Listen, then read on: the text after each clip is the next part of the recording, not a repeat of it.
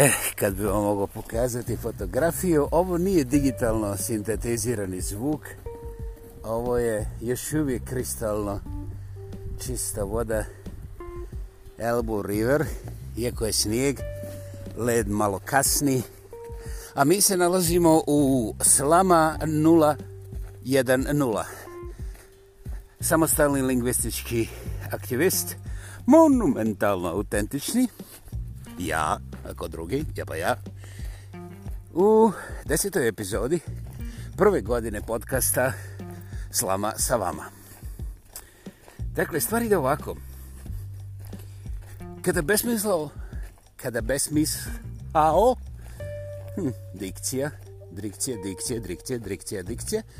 Dakle, kada besmisao preuzme riječ. Riječ. E, da. Ja udahnem. Bogu hvala. Znam da su sve riječi izgubljene, bez obzira koliko ih se onda ovaj, sa posebnim bijesom natrpao u taj slušni kanal. Međutim, to, kao što svakako znate, ne znači ništa. O, jedino što sam ja uspio da razaberem tu uh, da ljudi koji to najviše prakticiraju, znači to bjesilo dokaza, bjesilo dokaza je besmislica, samo da skratim.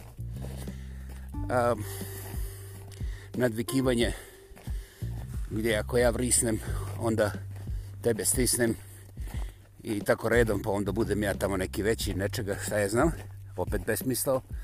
I da sad ne listam, jer ne vjerujem da postoji ko dvonožan ko ne može nabrojati barem stotinu takvih besmislenih dakle i sasvim nepotrebnih situacija gdje trošimo nevjerovatno veliku i važnu energiju ne samo materijalnu duhovnu već bože moj najprije egzistencijalno egzistencijalno i zdravstveno prioritetno, važno.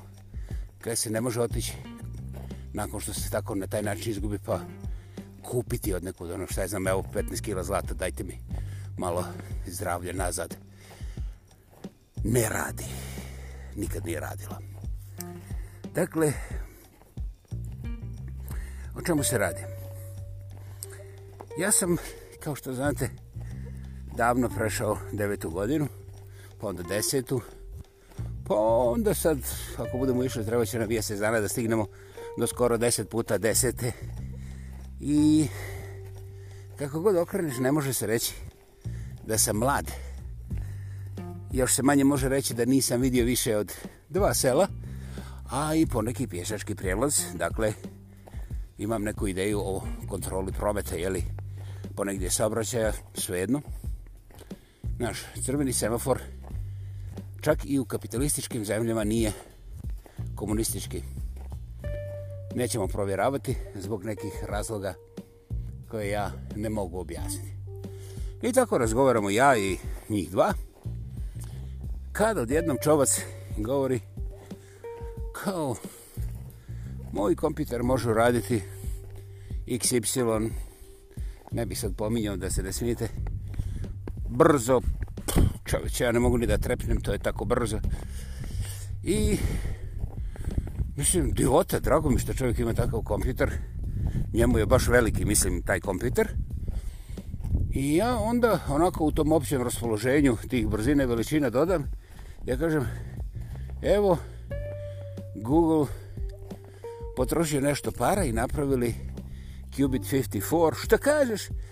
Pa kompjuter koji nije baš na tom binarnom kodu, nego koristi taj nekakav kvantni entanglement i tako, šta ti je to čovječ? Pa se, nisam ja taj kvantni fizičar, mislim, nisam baš sve. Pa kako onda znaš? Pa piše, pa ko ti je to dokazuje? Pa ne mora niko da mi dokaže kada ja, na primjer, počitam u PC magazinu nešto, razumiješ ja onda, pa ti vjeruješ svemu. Pa slušaj, nemam razloga da ne verujem, a ako oni kažu da su napravili kompjuter sa pet točaka, odnosno pet točkova, i bez rezervnog kotača tamo negdje, a ti onda kaže da je važno da li je to točak ili kotač, Znaš, za mene diskusija završena. Da, kad ti ne znaš ništa, ti samo znaš da se hvališ. Ok, hvala, hvala. To je vrlo lijepo i umno od tebe. Evo, zaboravimo sve. E, ne može. Kakve ti meni kvantne kompitere? Ko, ko, ko, ja to nisam vidio, evo. Ja imam sve te nekakve lijeve desno članstva u svim tim trgovačkim kućama.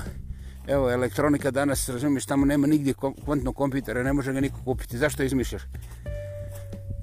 Jo, čovječe, znaš, nema dokaznog postupka, ozbiljno. Ja pročito više članaka, vidio sam čak i nekakve prezentacije, ovaj, kako si mogao vidjeti kad to nigdje ne postoji? Pa je dobro, u redu. Šta ja znam, možda ti nisi... Ja sve vidim, okej? Okay? I ovaj, sada ljepote te diskusije neću dalje da za male pare ovako to dočaravam. Ne, ne, dolazi obzir. A u ostalom, ja sam ovdje bio vrlo pristojen i vrlo uljuden. Pogotovo nisam vrištija. Ozbiljno, evo vidite, nisam, nisam bavao rukama ispod nosa i nije bilo ništa prijeteće prema vama, dragi moji mnogobrojni podcastovci, jeli? Dakle, ja ne kažem ovdje gledaj mene kako sam ja izložen tim umnim, umnim diskusijama našeg svijeta, nego ilustriram nešto što je gotovo redovito pojava posebno u našem balkenjičkom muškom društvu, bez obzira da li se nalazimo u buro u gore na Aljasci, pogledajte ono na vrh ovih Aljaski, ili samo jedne aljaske, kako ko hoće, ili recimo negdje šta je znam dole u Pertu u Australiji, potpuno svejedno. Nevjerovatno je kako taj naš svijet, posebno muški, zna sve odmah i bez ikakvog suzdržavanja deklasificira papu. Ne morate se boriti oko toga. To je sigurno. Čim pomeneš, bit će apsolutno suprotno zašto ja to pominjem? Pa evo, svako govori. Ovaj, Could you talk to my computer? uh, evo vidiš, ponudio se bi jedne gospođe da je ona se nasmijela, razumiješ, ja sam je prekinuo njenom telefonskom razgovoru. I to usre šume, divata. Dakle, da li sam ja htio da vama otkrijem nešto? Ljudi moji, ma možda i jesam, a možda nisam, a možda, možda i možda, što bi sad smislio. Ma koga boli briga?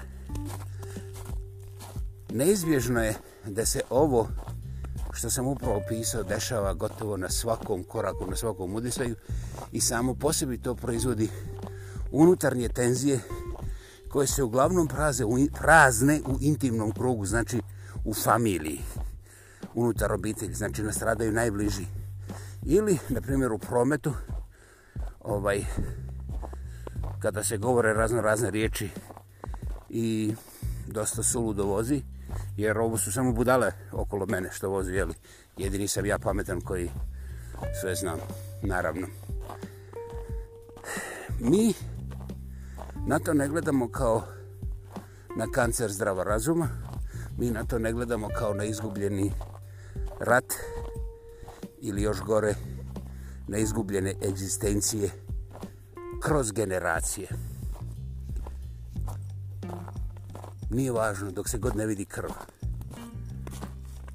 Ok? Ja vjerujem da vi možete razmisliti o svojim primjerima, ne o mojim. I možete postaviti sebi pitanje zašto ja moram biti u pravu? Zašto ja moram znati da Qubit 54 nije nešto što je neka budala tamo smislila da mene napravi budalom pred dva čovjeka u sasvim privatnom okruženju? I ovaj, da li je stvarno moguće da to postoji? Odnosno, pazi, a da ja pitam kako se to piše pa da onda ukucam u search mašinu pa provjerim da li postoji, oh, pa onda ispada da ja ne znam. Dakle, zašto mi tako krvavo i samoubilački branimo svoje primitivnosti, vjerujući da štitimo nešto svoje. Ja sam bez riječi. Sada možete početi vi na svoj način. Ja neću osuđivati, niti prosuđivati, a pogotovo ne ocjenjivati šta je ispravno, a šta je da prostiš iskrivno ili nepravilno. Hvala vam na slušanju hvala ono ih par minuta vašeg života, a posebno hvala ako ste zainteresirani da razmislite o motivaciji ovoga ovdje glasnog govornika i onda dobro došli u uskoro 11. podcast. Umeđu vremenu, sve najljepše i snijegom zabijeljene zapadne Kanade, slama od vlade. Hvala, doviđenja.